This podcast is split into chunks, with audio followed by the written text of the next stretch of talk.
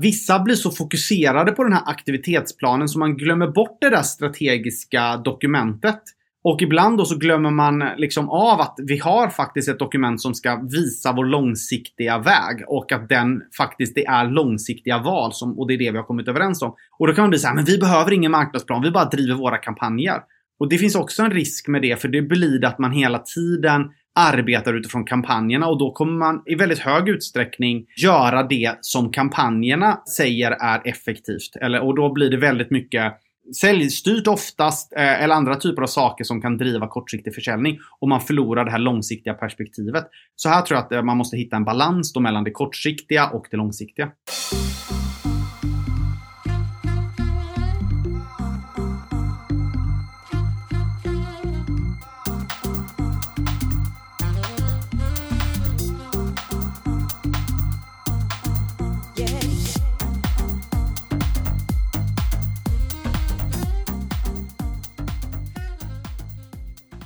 Välkommen tillbaka till Digital marknadsföring med Tony Hammarlund. Det här är en podd där jag intervjuar branschexperter och marknadsförare för att lära mig mer om digital marknadsföring. Mitt mål med podden är att bli en bättre marknadsförare och samtidigt dela med mig av intressanta samtal med några av Sveriges bästa marknadsförare. Med mig i det här avsnittet har jag en favorit i repris. Erik Modig som är forskare inom marknadsföring vid Handelshögskolan i Stockholm. Senast han var med så pratade vi marknadsföringspsykologi och det är ett av de mest lyssnade avsnitten hittills.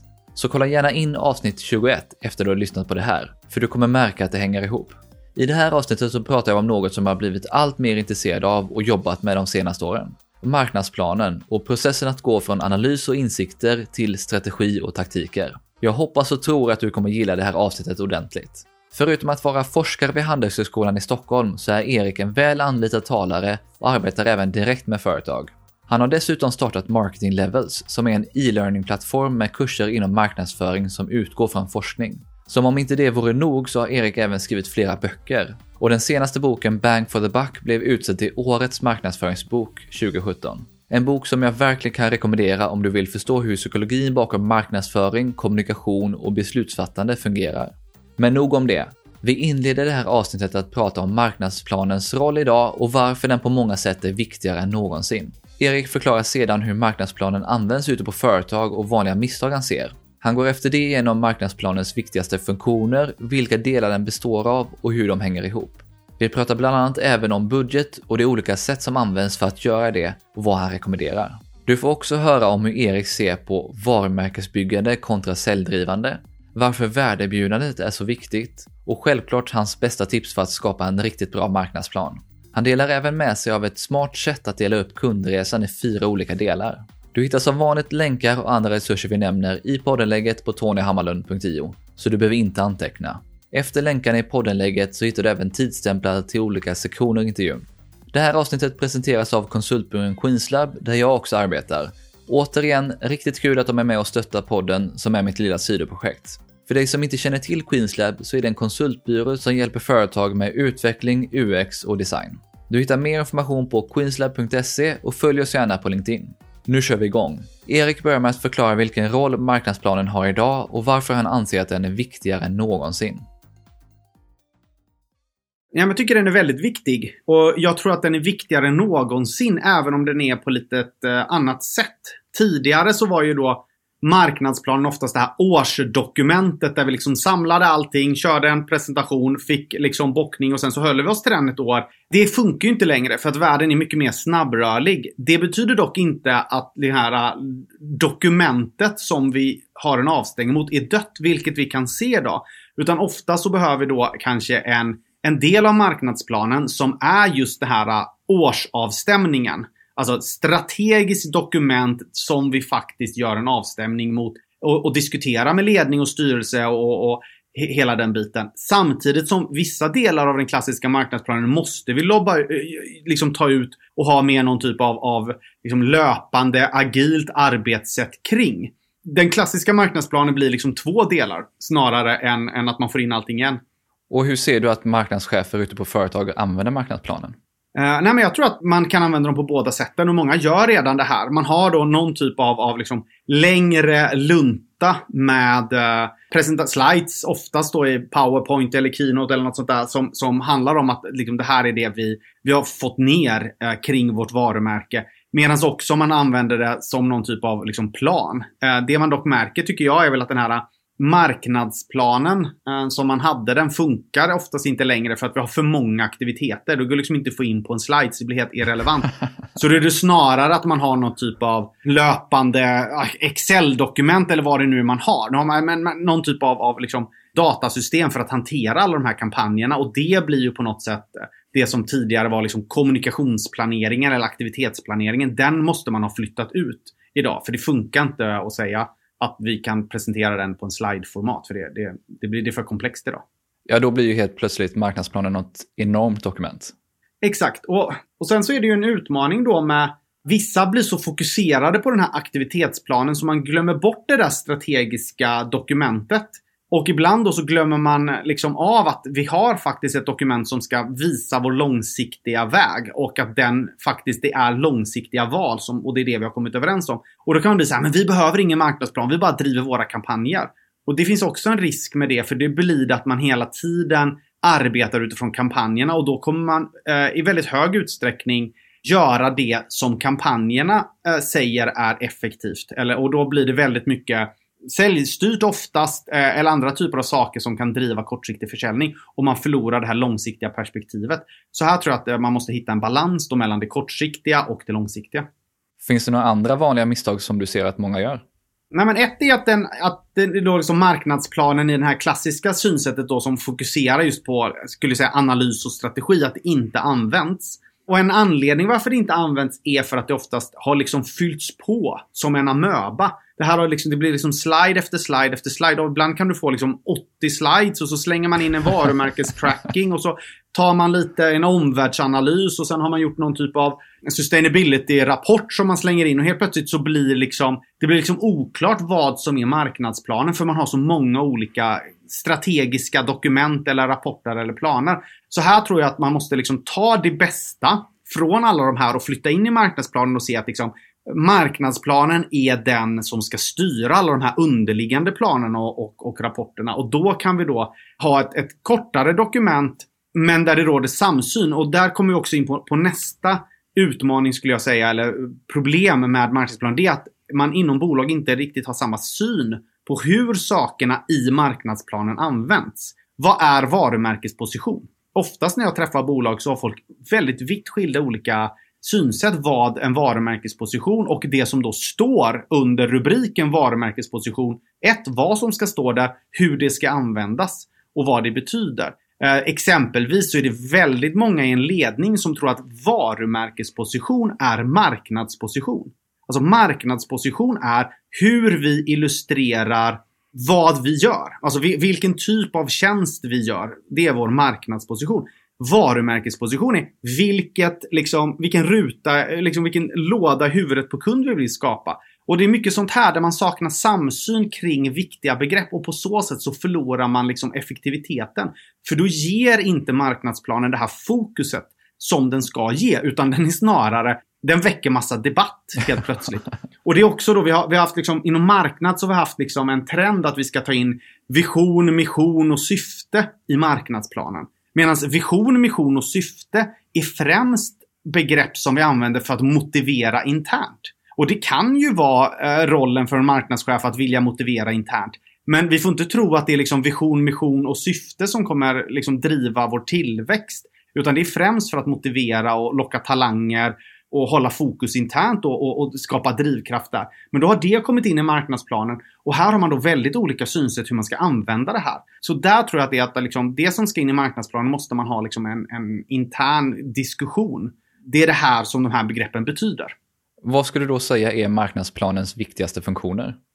Det är just att skapa samsyn inom ett bolag. Och jag har liksom full respekt för att det tar tid och det är svårt. Och framförallt då när man har olika byråer som alla har olika synsätt. Och man får verkligen klaga på oss som forskare. Jag är verkligen skyldig i det här att vi har inte varit tydliga med att definiera begrepp. Så att det här råder oftast en begreppsförvirring inom det här fältet marknadsföring. Men funktionen är vi ska ha samsyn på analys, alltså var står vi idag och vad måste vi ta hänsyn till? Det är liksom, vi måste ha samsyn kring hur går det och vad måste vi göra? Och i så fall, vad finns det för, för omkringliggande saker som vi faktiskt ska fokusera på?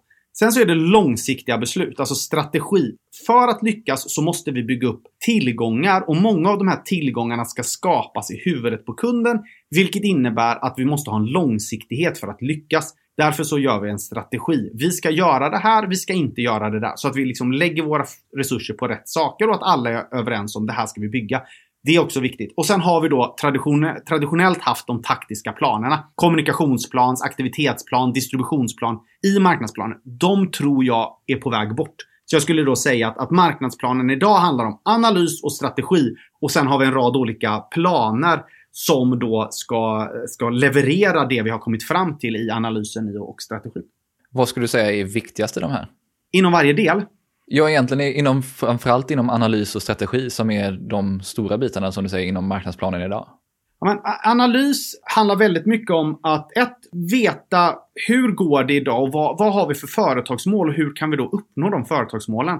Oftast så har en ledning då satt ett mål. Vi ska växa med 10%. Vi ska ta marknadsandelar. Vi ska, alltså, de sitter med och, och, på något sätt har en, en, en dröm vad de vill uppnå för att de ska kunna dubbla sin bonus. Nej, nu är jag lite raljerande här, men du förstår, ofta så får man någon typ av, av mål. Men det är oftast lite oklart exakt hur vi ska uppnå det. Eh, det är marknadschefens roll, eller marknadsplanens roll, att analysera. Vad skulle krävas för oss att uppnå det här? Ska vi uppnå 10% försäljning? Hur många kunder innebär det? Ja, det innebär att vi behöver ha 20 000 nya kunder. Okej, okay. det betyder att vi behöver 100 000 nya personer in till vår hemsida. Det betyder att vi behöver nå 2 miljoner kunder med vår kommunikation. Okej, okay. det kan vi då sätta en prislapp på. Så vi liksom översätter företagsledningens mål till en prislapp. Och sen måste vi då förstå kunder, marknad, vad gör konkurrenten, vad, gör om, vad händer i omvärlden för att vi ska uppnå det här? Och det blir själva liksom analysdelen. Och vad är det viktigaste inom strategi? Jo, inom strategi så handlar det ju då om att förstå vad är det för långsiktiga saker vi ska bygga. Ett är ju då till exempel värdeskapande. För oftast har man en affärsstrategi som kommer ifrån ledning och även då från affärsutvecklingsenheten. Men ofta så handlar det om vilka produkter vi ska sälja och oftast kanske det handlar även om marknadsstrategi, alltså vilka ska vi sälja till. Men det vi måste göra är att omvandla det här till hur kommunicerar vi det här värdet? Och då måste vi gå in på, på värdeerbjudande, prissättning, lösningsportfölj. Alltså hur paketerar vi vad vi säljer utifrån kundens perspektiv? Och det kan man ha med i en strategi så att man har det på bästa sätt. Och sen då så finns det då ytterligare aspekter som blir viktiga och det är då varumärke. För varumärke tar tid att bygga upp, vilket betyder att det måste vara ett långsiktigt val och därför går det in i strategin. Så där måste vi specificera vad är det vi vill bygga för varumärke så att det är just det vi bygger och här behövs det då lite riktlinjer. Så det skulle jag säga är de absolut viktigaste i strategin. Hur kommunicerar vi vårt värde? Hur översätter vi det till kundspråk? Och sen nummer två, hur, vilket varumärke ska vi bygga? Men hur skiljer sig då en marknadsplan mellan en startup till exempel och ett etablerat företag? För det är ju väldigt stor skillnad där. Verkligen. Eh, och till exempel så beror det väldigt mycket på hur mycket analys och strategi behöver man. Är du ett nytt bolag så handlar oftast marknadsplanen mycket uteslutande om att analysera och försöka förstå. Hur ser marknaden ut? Eh, hur kan vi förstå det här? Varför finns vårt bolag? Varför finns det liksom en position för oss att fylla? Och sen har man oftast en hypotes kring strategi. Det är oftast det en startup gör. Eh, och då man kanske liksom inte ens liksom har gått över i några taktiska planer utan allting handlar om liksom analys och sen så börjar man sniffa på strategi. Är man lite större så kanske man då har hittat en position men man är inte riktigt helt säker på vilken strategi man har och man har inte gått in riktigt helt i vilket varumärke man ska bygga och man börjar utvärdera att ah, men vi hade en initial idé kring det här men vi kanske behöver utveckla just varumärkesbiten. Så då brukar då varumärkesbiten vara svag så den skulle behöva byggas ut oftast för liksom mindre bolag. Sen då för stora bolag så blir det oftast att de här analys och strategi minskar när det kommer till att just förklara värdeskapandet och även i viss mån även varumärket. Utan det handlar oftast om mer trendrapporter för att ge insikter till kommunikationen eller till taktiken. Det handlar mer om en omvärldsanalys, en konkurrentanalys för att då helt enkelt kunna driva hur behåller vi oss relevanta? Så det är inte så mycket om strategi utan snarare om att vi liksom vi, vi ska hålla samma strategi men vi behöver fortfarande inspireras för att vi säger samma sak och vi har gjort det i tio år. Då behöver vi vara relevanta på ett annat sätt. Så då blir liksom i analysen så handlar det inte så mycket om kanske hur får vi vår plats på marknaden utan snarare så här, hur behåller vi oss intressanta. Så det varierar oftast lite. Sen ju större du är desto mer taktiska planer får du. Eh, så när du är en liten startup så kan oftast de taktiska planerna idag fortfarande vara kvar i marknadsplanen. Men ganska snart så eh, flyttas de ut och jag tror att alla stora bolag idag har flyttat ut dem i högre utsträckning. Hur vet man när man ska ta och skifta mellan fokus på analys till fokus mer på strategi eller taktik? Det handlar ju väldigt mycket om eh, när man då bryter ner den här alltså företagsledningens mål. Om vi ska, vad, vad, ska vi växa? Vad ska vi göra? Vi måste ju på ett sätt ha analyserat vad vi ska lyckas uppnå. Eller så får man då göra det själva i analysen. Vad finns det för möjligheter?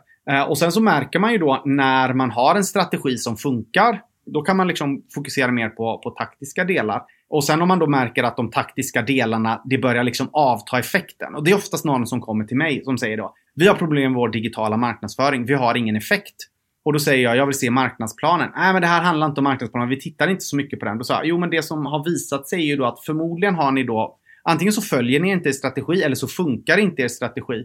Eh, och därmed så behöver vi titta på strategin för att förbättra taktiken. Så ofta så handlar det ju om att man, man hittar ett problem i utförandet, i ens kommunikation, i ens aktiveringar ute på marknaden för att då se lyckas man eller ej. Lyckas man och det går bra, då är det ju bara att köra på. Men när det väl börjar liksom gå emot så måste man då ett, utvärdera strategin och om man inser att den håller så måste man göra en analys om varför funkar inte vår taktik. Eller om man inser då att äh, men vår strategi håller inte, ja då måste vi ändra det. Och om vi zoomar in lite, kan du beskriva lite mer vad som ingår i analysdelen av marknadsplanen? Ja, men det handlar ju om att, att förstå möjliga källor till liksom, insikter. Så det första är, vad innebär det? Det exemplet jag gav. Vad innebär det att växa 10%? Det måste vi liksom ändå, det är ändå, vi måste förstå den biten. Sen är det ju då, förstår vi kunderna? Så det är någon typ av kundanalys. Vad är deras drivkrafter, personas? Eh, så att vi verkligen förstår dem. Sen kan vi göra en marknadsanalys. Hur, vad köps, säljs på den här marknaden? kan göra en konkurrentanalys för att då se vad gör våra konkurrenter och så kan vi göra en omvärldsanalys. Vilka olika typer av trender, faktorer runt om i världen är det då? Och här är det viktigt då att man inte bara liksom drar upp allting och fyller 200 slides. För det är väldigt enkelt att göra här. Utan här blir det ju viktigt att man efter man har gjort de här analyserna sammanfattar och förstår vad av det här har implikationer för oss. Så att jag skulle vilja ha analysavsnittet så skulle jag vilja ha Egentligen kan hela analysavsnittet bara vara att säga så här. Så här går det. Det här ska vi uppnå. Det här är faktorer som kommer påverka om vi lyckas eller ej. Och de är då uppdelade oftast baserat på det här och det här och det här. En utmaning här tycker jag är att, är att många tror att analysen är att rabbla upp potentiella saker. Men det är inte analys. Det är, det är, liksom, det är att samla in datan. Analysen, och det är därför det heter analys, är att, att titta på datan och förstå hur skulle det här kunna påverka oss? Vilken risk innebär det? Vilka möjligheter innebär? Är det någonting vi ska titta på i år eller ej? Därefter så sammanfattar man det. Så i analysen så måste det finnas liksom en komprimerad lista av faktorer som vi ska diskutera igenom. Men vi behöver sålla bort ganska många. Ja, så egentligen mer av insikterna man kan dra av den datan man har tittat på snarare än att bara bli upp datan. Jag även kommit med förslag på så här, vilka beslutsvägar det finns. Så här, ja, det här har hänt. Eh, folk har börjat uh, tänka på det här och det här. Blir det relevant för oss? Ja. Okej, vilka vägar finns det då att välja? Vad innebär de här olika scenarierna om vi väljer att göra så eller så? Så att det finns så att vi kan liksom ta beslut om det. Det, det blir väldigt ineffektivt om vi liksom fyller analysen med bara massa data. Och, och det, det händer oftast ganska ofta. Man säger så här. Hej, ja men vi skickar vår analys och så är det liksom eh, en rapport från mediebyrån. Någon typ av, av trendrapport. Och jag säger, men det finns ju inte en enda insikt i det här. Det är oftast bara data liksom. Och jag förstår, det är oftast svårt att göra den typen av analys och omvandla det till insikt. Och här tror jag att de bolagen som gör det här väldigt bra, de har oftast en som är ansvarig för just att liksom göra den strategiska analysen av saker. För ibland så sitter insightavdelning och de samlar bara in data och känner sig inte bekväm med att dra slutsatser. Sen sitter då marknadschefen och får det här och känner sig så här, men jag har inte tid att gå igenom allt det här.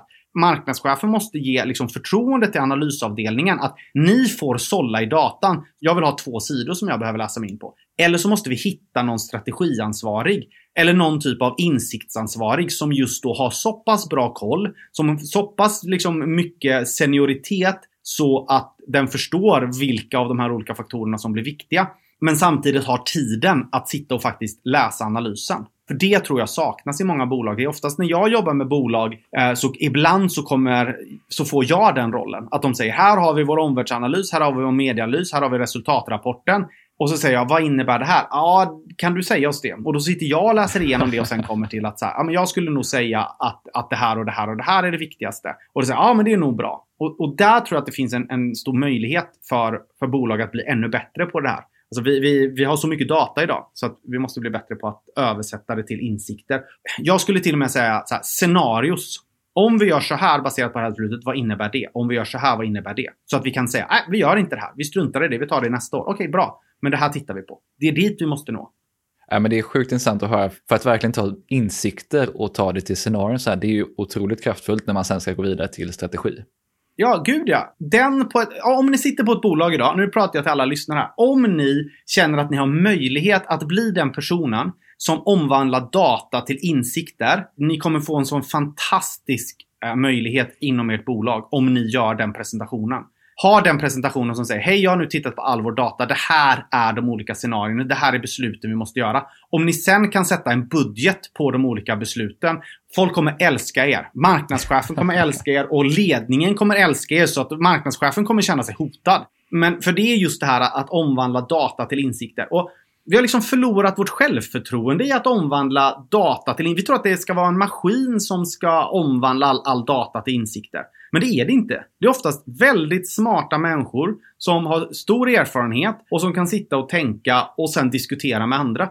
Och det måste vi hitta och vi måste hitta tid för det. Jag har full respekt för att tiden tryter här men jag tror att alla stora bolag behöver den här liksom strategipersonen skulle man kalla det. Den som tar data och förvandlar till insikter. Och jag var faktiskt på ett bolag där de hade den här insikten. 30 minuter. Jag, jag, jag var så imponerad. Fantastisk presentation. Var jättebra att höra också. På 30 minuter så förstod jag hela bolaget och hela framtiden, branschens framtid. Men det är en utmaning. Men det, det är någon som jag tror kommer vara viktig och viktigare och viktigare just att ha inom bolag. Ja, men det är en fantastisk insikt. Vilka delar går sen in i strategi? Ett är ju att vi då, det jag kallar, jag kallar att vi måste ha en lösningsportfölj. Vi har en affärsstrategi. Den är oftast bra att upprepa i marknadsplanen. Mycket på grund av att ledning och, och de i affärsutveckling gillar att höra affärsstrategin så att de fattar det. Att marknadschefen har koll på affärsstrategin. Så ofta så brukar jag liksom, man tar formuleringarna från ledningen och från affärsutveckling och lägger i marknadsplanen och kallar det strategi. Så att det aldrig ska vara någon typ av tveksamhet både inom marknadsavdelningen men också mot ledning att att liksom affärsstrategin är grunden till marknadsföringsstrategin. Det kan man tyckas är väldigt konstigt om, om man skulle bygga en marknadsföringsstrategi utan att ha koll på affärsstrategin. Men det händer faktiskt. Uh, så ett är affärsstrategin. Vilket handlar om vilken affärsmodell har du? Vilka produkter säljer vi? Vilken prissättningsmodell har vi? Liksom? Det, man måste kunna det. Annars kan man inte jobba med marknadsföring. För att marknadsföring handlar ju om att göra den affärsstrategin och bygga, bygga basen så att den affärsstrategin blir framgångsrik. Så börja med det säga. Vi säljer det här, det här är våra produkter, det här det här och det här. Dock så behöver vi sen göra som jag kallar en lösningsportfölj. Säga då vilka behov, vilka problem hos kund är det vi löser? Så man behöver liksom översätta det till, till en lösningsportfölj. Och efter det så behöver man då ta fram ett värdeerbjudande. Och här kan folk säga att värdeerbjudande det, det, det, det betar vi av hos de enskilda produktkommunikationerna. Det, det producerar vi på en taktisk nivå. Ja, problemet är oftast när du pratar med dem på taktisk nivå så är de för stressade att trycka ut alla enheter. Så de, då, då, blir det liksom, då, då, blir det lite så snurrigt i det här äh, värdeerbjudandet. Så det blir inte liksom klockrent och helt plötsligt så har man inte den här klockrena beskrivningen av värdet man ger sina kunder. Så jag gillar oftast när vi i strategin skriver så här formulerar vi vårt värdeerbjudande. Men det är min personliga åsikt för att jag gillar att, att man liksom jobbar igenom någonting som sen kan vägleda all kommunikation. Och sen sist då varumärkesstrategi i och med att det behövs för att vägleda de olika delarna. Så det är de sakerna som måste vara med. Sen så kan man ju alltid ha kommit fram till att, att det finns någon typ av media eller kommunikation eller någon typ av annan typ av del som vi har kommit fram till att det är liksom en strategisk insikt kring. Då kan man ha med det, men det är inget måste. Jag håller verkligen med om värdebjudandet, för det är ju någonting som blir så viktigt sen när man går vidare till taktikerna och kommunikationsplanen egentligen. För utan att ha det på strategisk nivå så blir det väldigt jobbigt att ta fram det sen. Och det, det är det vanligaste problemet. Jag har typ tittat kanske senaste året på 100 marknadsplaner. Eller i alla fall tittat på marknadsföringen av 100 bolag. Och alla har samma problem. Vi har ingen tillräckligt stor effekt i våra digitala kanaler. Och då, då, då kan du nästan alltid komma fram till, okej, okay, jag vill se ert värdeerbjudande. Äh, vi har inte det nedskrivet någonstans. Och då är det så här, okej, okay, steg ett, låt oss börja skriva ett värdeerbjudande. För det är det som handlar på, på landningssidan, det är det som handlar i konverteringssidor, det är det som handlar i, i kundmöten, i presentationer. Oavsett B2B eller B2C så liksom att ha ett välformulerat värdeerbjudande kommer underlätta all kommunikation. Men det tar lång tid. Folk tror att det är enkelt att skriva ett värdeerbjudande men det tar jätte, jättelång tid att hitta den här perfekta formuleringen så att varje kund känner bara wow, hur har jag klarat mig utan den här produkten? Så det är väldigt svårt. Och det tror jag vi måste bli bättre på. Och jag skulle också vara så hård mot marknadsföringsbranschen och kommunikationsbranschen att vi har liksom, vi har en liten förkärlek för varumärkesstrategi. Att vi ska bygga en, en, en varumärkesplattform och ett varumärkeskoncept och en varumärkesposition och personlighet och en moodboard. Så att det är lite, det har liksom lite negligerat här, kunskapen att skriva ett riktigt säljande text. Så det skulle jag, skulle jag säga, att, att ta upp det i strategin så att det verkligen finns. För det kommer underlätta väldigt mycket i när man kommunicerar sen. Jag skulle också säga att det inte bara underlättar, det sparar också väldigt mycket tid att göra det en gång istället för att man gör det för varje enskild kanal eller aktivitet.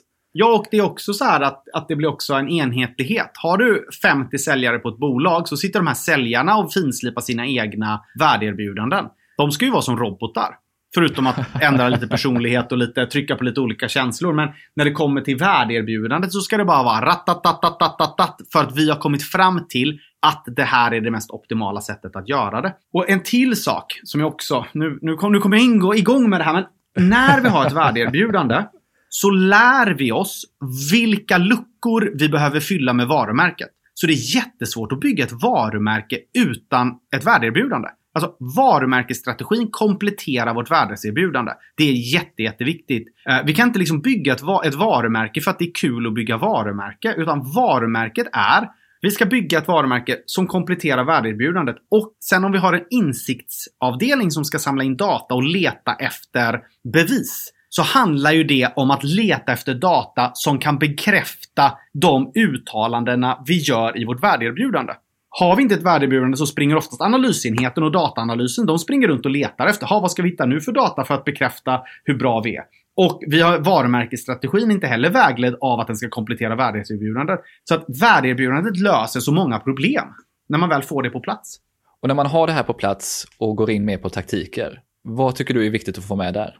Oftast så, så behöver ju då taktiker kopplas väldigt tydligt till våra mål. Hur driver vi eh, försäljning? Och jag skulle då säga att taktiker för det första ska handla om hur får vi ut våra produkter till så många människor som möjligt. Så att först är det ju då, eh, många säger då taktik, det handlar om, om, om kommunikation. Men jag skulle säga det första handlar om distribution och lanseringar av produkter. Det är, och det ser, visar man även på forskning. Vad är det som driver tillväxt? Jo, lanseringen av nya produkter och distribution. Det slår marknadskommunikation alla dagar i veckan. Samtidigt sitter vi marknadsförare och lägger jättemycket tid på marknadskommunikation. Det ska vi inte göra. Utan vi ska lägga mycket tid på att se till att vi hela tiden får ut nya produkter på ett så bra sätt som möjligt. Understött med marknadskommunikation och sen ska vi jobba distribution så att vi får ut så mycket distribution. Så första delen i taktiken är ju då lanseringar och distribution. Och sen då så måste vi då titta i distribution så har vi våra försäljningskanaler och då måste vi se hur presterar våra försäljningskanaler. Det blir ju liksom den första analysen som då oftast görs. Att så då, okay, vi får ut den dit, vi får ut nya produkter, vi distribuerar dem och, och, så här effektiva är våra olika kanaler. Där får man ju då göra en analys i att säga var skulle vi kunna tjäna på kommunikation? Behöver vi förbättra någon typ av effektivitet i någon typ av kanal? Behöver vi fylla på med mer trafik i någon typ av kanal? Finns det någon typ av mentalt jobb vi måste göra i våra huvuden på kunder för att de ska hitta vår kanal eller för att det ska vara liksom enklare för oss att sälja i den här kanalen? Så det här blir ju på någon typ av, av liksom, eh, beställning utifrån vår distribution, vår produktlansering och även då vår, våra kanaleffektivitet. Och därifrån så kommer vi fram till då vilken kommunikation tror vi det är vi ska faktiskt göra. Men om man har gjort den analysen så blir det oftast mer liksom hands-on vad kommunikationen ska bidra med. Jag pratar ju ofta om kundresan när jag pratar marknadsplaner. Är det någonting som du har med också när du tänker kring marknadsplanen? Ja, det gör jag faktiskt. Och jag har dock gått från att kalla liksom kundresan till att nästan säga så här. Steg ett är definiera er growth funnel. Det är lite poppigare, du vet. Du Tony, du är en, uh, en kundresa-person. Erik, jag är en growth funnel-person. okay. Du har skillnaden va? Nej, men ja, den är, den är nyckeln i allting. För det är det, återigen, tillbaka till första analysen. Vi sätter en målsättning. Vi måste bryta ner målsättningen. Då måste vi förstå kundresan. För kundresan sätter vilka olika kanaler vi har för att liksom ta folk till köp. Och det är den vi använder. Så jag skulle säga att den är det första som händer i analysen och det är första som sker i just den taktiska planen. Mappa upp de olika kanalerna och distributionen för att påverka kundresan. Så den, är, den går in egentligen nästan överallt tycker jag. Finns det något mer som du tar med i marknadsplanen utöver det här? Nej, jag tror att vi har täckt in det mesta. Dock ett, en, en, en sak nu just när vi pratar om kundresan, det är att definiera kundresan i att den består av olika delar. Och där brukar jag oftast ta upp att säga att kundresa består av fyra delar. Det är först potentiella kunder. Det är liksom första steget i kundresan är att vi har potentiella kunder. Eh, så att vi inte tror att kunder liksom hoppar in. Sen har vi det som heter tratten, alltså marknadsföringskanaler, som handlar om att ta potentiella kunder och ta dem ner till då köpresan, alltså våra säljkanaler, vår e-handel, vår affär eller våra återförsäljare. Så vi har liksom potentiella kunder, vi har en tratt och så har vi en kundresa och sen har vi konsumtion. Alla de fyra delarna är viktiga. Så att vi inte likställer kundresan med köpresan, alltså våra, våra liksom säljkanaler. Eller att vi likställer kundresan med tratten eller på något sätt. Så det är oftast att, att liksom mycket löses när vi då delar in kundresan i potentiella kunder, tratten, köpresan, konsumtion. Där så får vi upp mycket tydligare hur sälj och marknad jobbar tillsammans och vilka olika delar vi behöver göra för att kunna mäta olika typer av effekter och på så sätt kunna bryta ner våra övergripande mål. Och när vi pratar om taktiker och olika kanaler så är det någonting som jag funderar rätt mycket på. Det är hur du ser på det här med att man har olika strategier för sociala medier, för SEO, för influencer marketing och så vidare. Hur hanterar man dem i marknadsplanen? Jag skulle säga att det är taktiker. Så att det är inte strategier på det sättet. Så att, äh, strategi är ju ett ord som väldigt många vill använda för det gör att det låter väldigt viktigt och smart. Och det kan ju också vara ett smart sätt för att om det är då en strategi så ska man då knyta en budget till det för att vi ska lyckas med det här. Så att jag skulle säga att, att, att ja, om du jobbar med SEO och du jobbar med eh, sociala medier så kan det vara smart att formulera det som en, en strategi. Jag dock som, som marknadschef då, om jag hade varit det, så skulle jag se upp med alla de sakerna. Eller tydligt bara specificera. Det här är olika aktiviteter och taktiker vi gör för att uppnå våra mål. De är inte, det är inte så att de är eh, någonting som vi så här, eh, strategiskt har beslutat och utvärderat. Om det nu inte är det. Men, men jag tror som sagt, få ner det till taktiska planer snarare än en strategi. Är det ordet strategi som är problemet tycker du? Till viss del. Men jag tror att vi människor måste då, vi vill hitta vårt område, vårt ansvarsområde. Och så då knyter vi kompetenser till olika kanaler. Och det är en utmaning. För då blir det på något sätt, har vi någon sociala medieansvarig och om den personen är väldigt bra på sitt jobb så kommer vi automatiskt vilja investera mer i sociala medier. För den personen kommer alltid kunna argumentera för det. Och så knyter vi en budget då till den som är sociala medieansvarig. Det här kan vara fantastiskt, men det finns en risk att vi skapar en ineffektivitet i och med att vi då inte kan välja bort sociala medier eller minska budgeten i sociala medier om den inte har visat sig effektiv. Så allting handlar snarare om, om liksom rörlighet när det kommer till budget.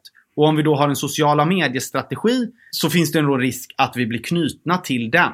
Kontra om vi inte har en printstrategi eller en tv-strategi eller vad vi nu har. Så att jag tror allting handlar om, om liksom hur fast bundna är vi i en struktur baserat på människorna och specialisterna och, och de strategierna eller planerna som vi har beslutat om att följa. I många fall behöver det inte vara någon fara, men det finns en risk i att vi bygger in en ineffektivitet i det. Och på tal om budget, hur kommer man fram till vilken budget man behöver lägga på sin marknadsplan?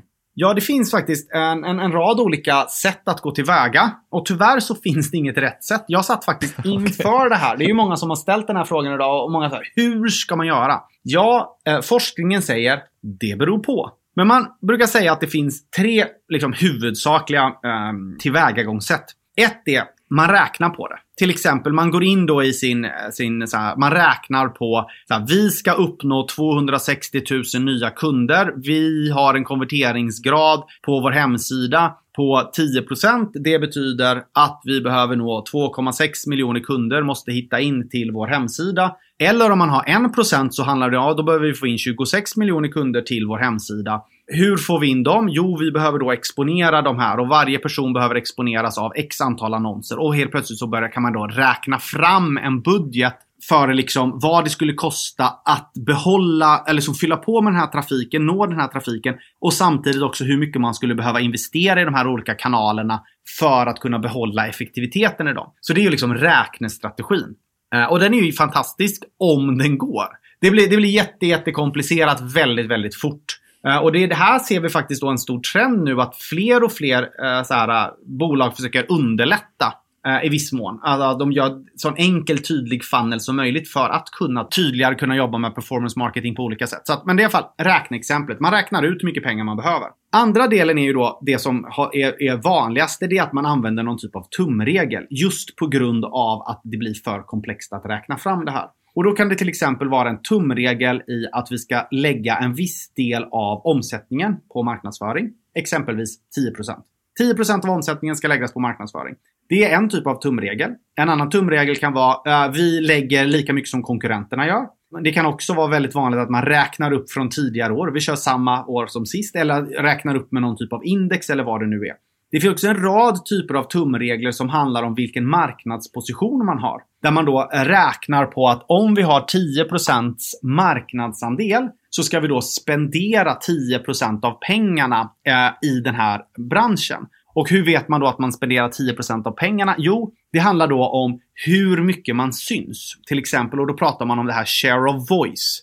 Att om vi nu ska sälja en viss typ av produkt så tittar vi då på hur mycket kommuniceras kring den här typen av produkter och så försöker vi då räkna ut den totala mängden kommunikation och sen ska vi hålla då 10 eller 20 eller 30 procent av den kommunikationen. Om vi är, eh, har vi 40 procent marknadsandel så ska vi då hålla 40 procent. Vill vi öka så ska vi investera mer. Vill vi minska så, så spenderar vi mindre. Ja, det vill man ju inte. Men, men du förstår. Man helt enkelt anpassar sig efter sin storlek. Utmaningen med det här är ju då att det också visar sig så här att det beror väldigt mycket på hur bra vi är som marknadsavdelning och hur bra kommunikation vi har. Vi vet att gör du väldigt bra kommunikation så får du större effekt. Gör du väldigt dålig kommunikation får, får du mindre effekt. Så att det är oftast väldigt svårt att veta exakt om den här tumregeln, eh, om vi kan hålla den eller ej. Och det finns då en rad exempel där man kan bryta den.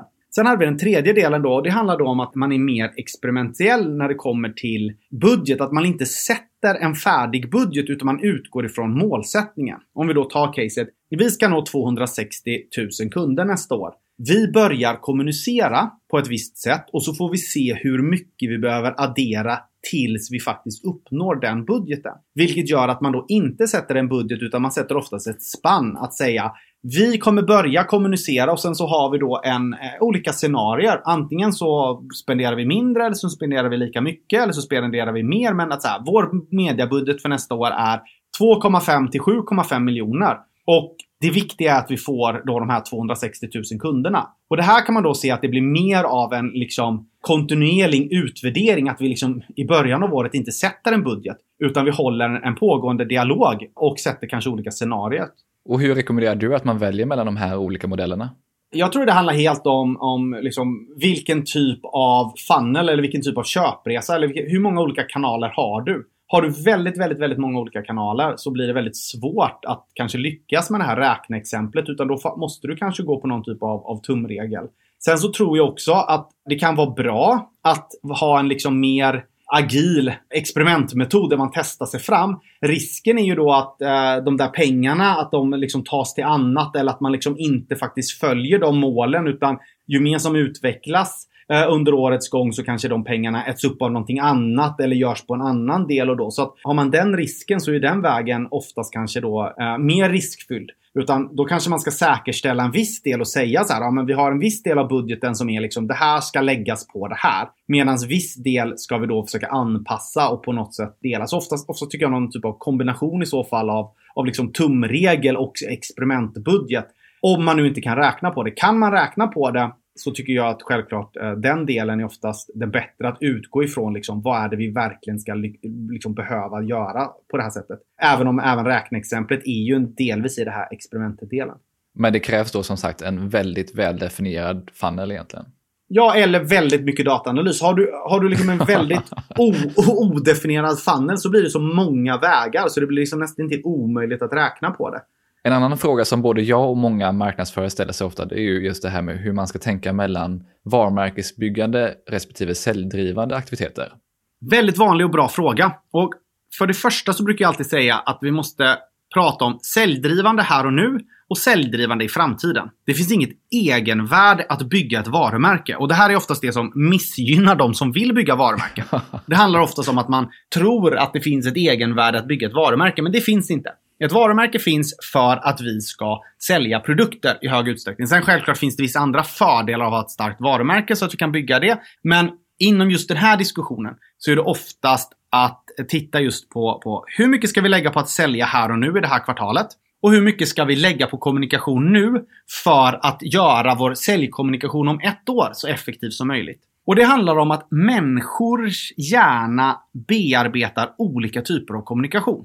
Vi har olika filter i vår hjärna och de här filtrerna då ser till att väldigt lite kommunikation kommer hela vägen in till oss. Så till exempel om du kommer med ett erbjudande till mig nu så om jag inte är intresserad av den varan eller ens har tänkt till kring den varan eller inte ens känner till det varumärket så blir det väldigt dålig effektivitet på det säljerbjudandet. Oavsett hur bra det säljerbjudandet till. Känner jag inte till, eh, uppfattar inte varan eller vad det nu är så kommer den här helt enkelt minska effekten. Och det handlar helt enkelt om att vi har de här filtrerna som ett är då, är jag intresserad av det här eller ej? Känner jag till det här varumärket eller ej? Uppfattar jag det här som familjärt och gillar jag det här? Och det här kan man då till exempel säga eh, om du tar en säljare då som ska sälja en produkt och så finns det då fyra olika personer. Det finns en person som aldrig hört talas om oss, aldrig hört talas om den här produkten.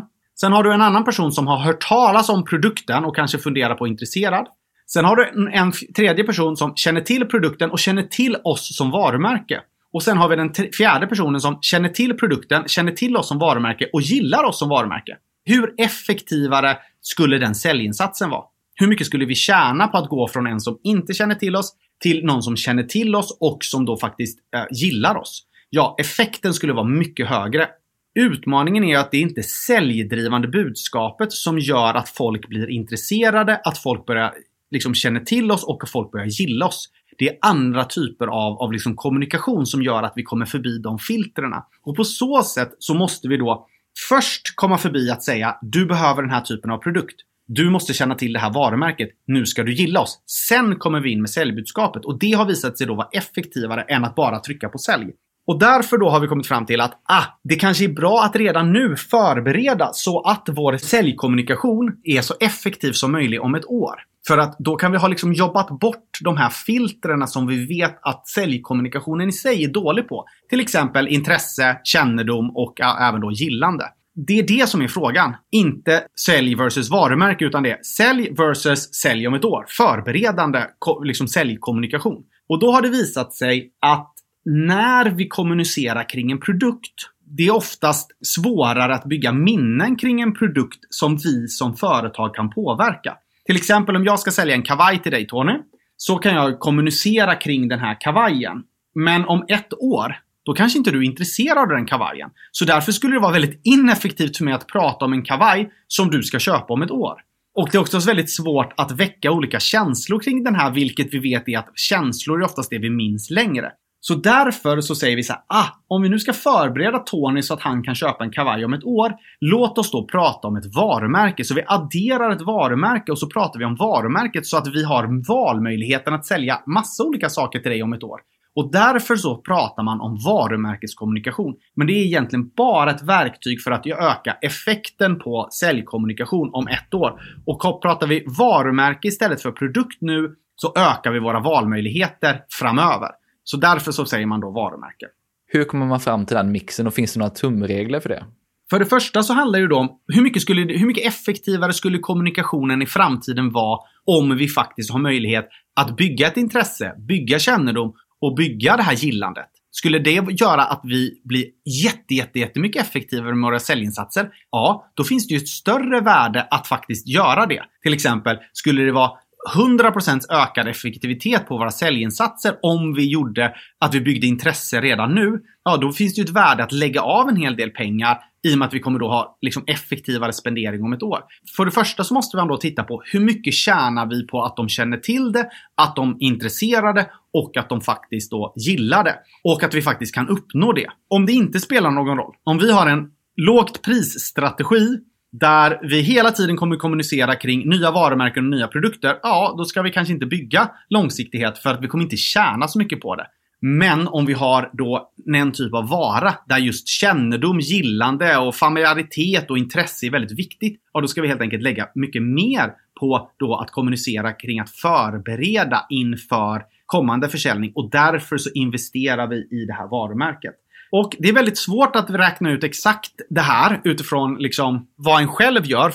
För att oftast då så har man en typ av, av liksom investering som man följer. Man ändrar inte så mycket på det här. Så vi måste då titta på så kallad aggregerad data för att då hitta vilken balans av de här är den bästa.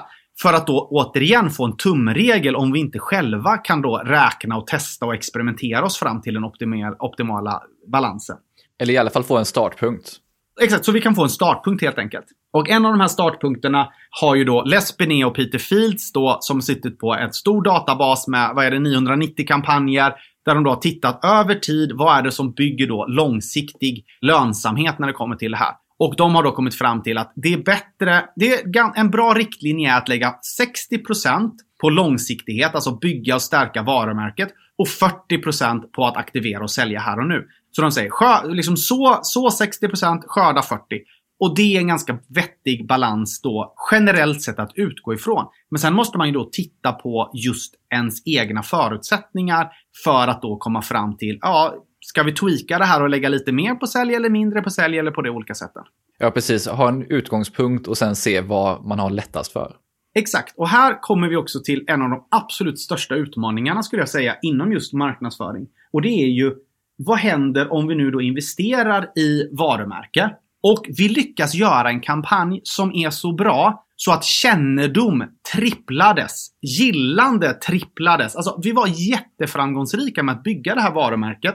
Så vi har nu med en viss typ av budget sått och förberett för flera år framöver. Vad ska vi göra då? Nu har ju då marknadsföringen, det här varumärkesteamet gjort superbra ifrån sig. Ja, det logiska då är ju att nu ska vi då sälja och skörda allt det här. Så då säger vi till marknad eller de som, då, de som har drivit den här varumärkeskommunikationen. Bra jobbat! Nu ska vi ta hälften av er budget och lägga den på sälj. För det är helt enkelt det vi behöver nu. Så här blir det då liksom en, en, en, utmaning att lyckas vi väldigt bra på någonting så finns det en logik att vi fokuserar jättemycket på något annat. Eller om säljet har blivit supereffektivt. Vi vet till exempel att om man använder dataanalys och targeting och CRM-system och allting så att säljet blir effektivare och effektivare så vet vi att det är bättre att då börja bygga ännu mer varumärke. För säljet kommer driva sig själv. Och det är här man då kan se att liksom de som blir supereffektiva med performance och growth och, och liksom säljet blir liksom jättebra. Förr eller senare så kommer vi komma fram till att, att de säljer till varenda tänkbar intressant person och de säger wow, vi ska bygga vidare med det här. Det logiska då från lång sikt, det är att säga nu tar vi lite av era pengar för ni kommer vara så effektiva att sälja till alla som kommer in och blir intresserade av den här produkten. Så nu ska vi bygga så att vi får fler som ni kan sälja till. För vi kommer tjäna mer på att fylla på med leads än att vi då ska konvertera alla leads där. Och även om ni vill sälja till svåra leads så ska vi helt enkelt bygga varumärke så att vi får liksom fler kvalitetsleads. Så här är alltid en balansgång då mellan att säga men jag gör så himla bra jobb. Jo, därför så tar vi lite av din budget. För långsiktighet så är det mer effektivt att ha en balans mellan de här så att båda bitarna blir så effektiva som möjligt. Och det krävs ju ganska bra kommunikation internt på bolaget för att göra det också. Verkligen. Och det krävs också ett nytt synk mellan marknad och sälj som är liksom den klassiska indelningen. Och många av dem som, som har liksom insett det här har ju börjat då bygga en övergripande ansvarig för marknad och sälj eh, som då heter kommersiell enhet eller commercial director eller någon som då sitter på båda.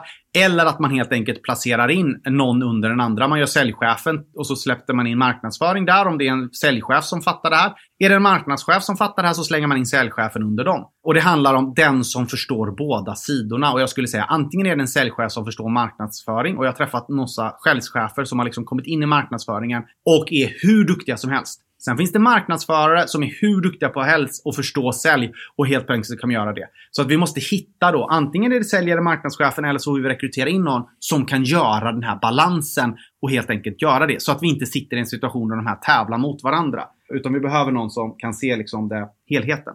Först och främst, jag tycker det är sjukt intressant det här ämnet och det här att hitta den balansen däremellan.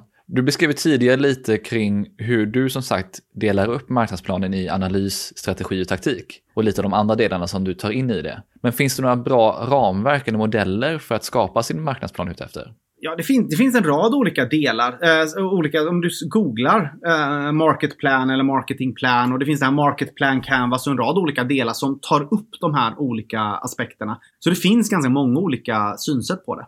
Och det här ramverket som du pratar om, är det någonting som du har tagit fram själv?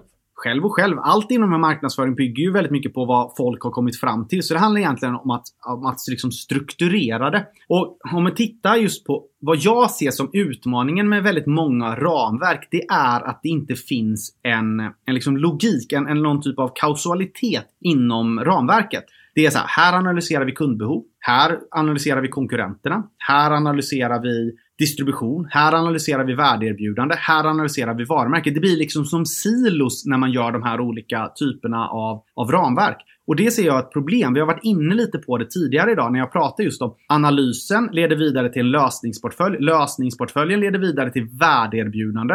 För värdeerbjudandet baseras på lösningsportföljen. Och om värdeerbjudandet har brister så bygger vi en varumärke som kan täcka upp för det. Vilket sen leder vidare till att vi kollar på distribution och lanseringar. Som sen gör att vi kan titta på det här. Alltså logiken och det är det jag främst saknat när jag har då analyserat olika bolag och olika marknadsplaner. Att det, det ses som olika silos och det finns inte den här äh, logiken mellan olika delar. Så det är väl varför jag då har försökt hitta vad måste vi göra först och var blir logiska steg. Så att eh, saker inte skapas i silos. För det är då vi skapar den här eh, att det inte är synk inom ett bolag. Att ingen förstår varför vi har den här varumärkesstrategin. Det är ett jättestort problem. De förstår inte varumärke, säger marknadschefen. Och jag bara, ja, vems fel är det? Var det inte du som definierar marknadschefen? Marknadsstrategin.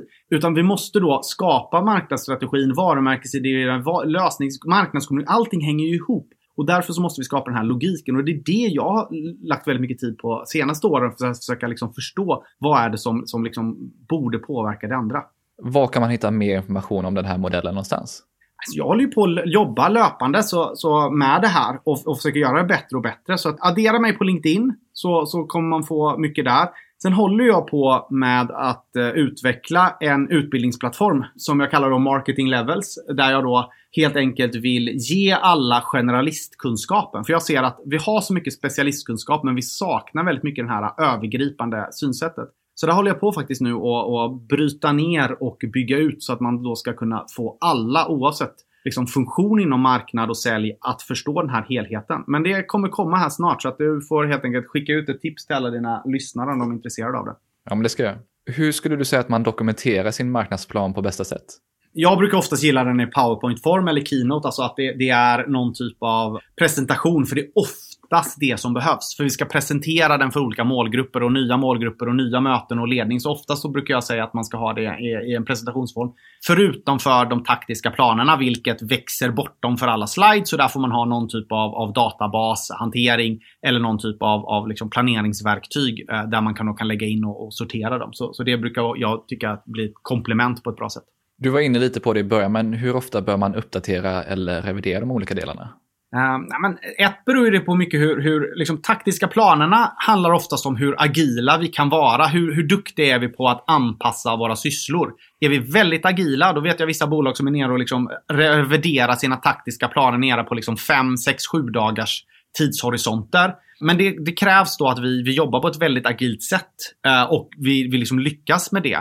Annars kanske man får jobba på eh, liksom enmånaders eller kvartalsvis eller vissa då är nere på ett års. Men det är ingenting jag rekommenderar för just den taktiska delen utan oftast behöver vi vara ännu snabbrörligare idag. Så där blir det liksom en balansgång mellan hur mycket tjänar vi på att vara ännu snabbare och lyckas vi med det liksom organisatoriskt och hur vi jobbar ihop. Sen strategi avgörs då, analys avgörs då hur mycket ändras vår bransch. Om vi är en startup eller om vi är en bransch som hela tiden ändras, ja då måste vi göra de här analyserna oftare.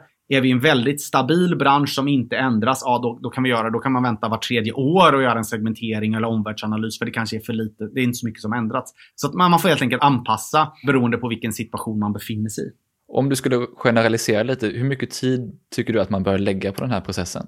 Ett är ju hur stora man är och hur små man är. Alltså, ett är ju den taktiska planen och följa upp. Ja, här tycker jag man ska sätta av tid liksom varje vecka för att då ha någon typ av, av liksom, hur går våra kampanjer nu? Och där måste man ju då kolla hur mycket data kan vi få liksom automatiskt eh, från olika system för att eh, liksom inte behöva lägga så mycket tid på det.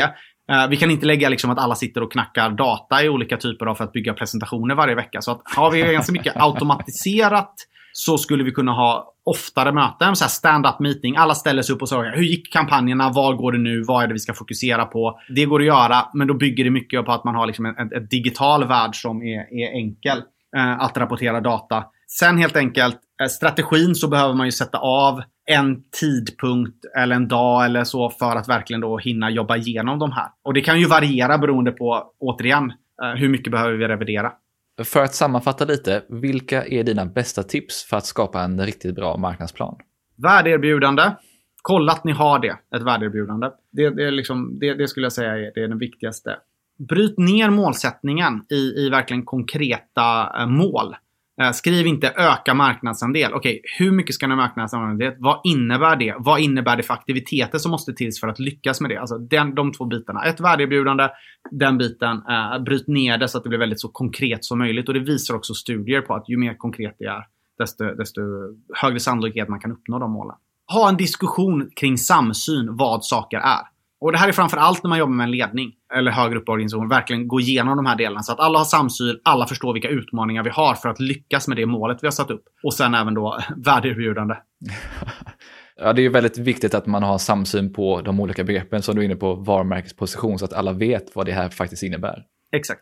Och om jag skulle vilja bli ännu bättre på marknadsstrategi och bli riktigt vass på att skapa marknadsplaner, vad tycker du att jag bör göra härnäst då?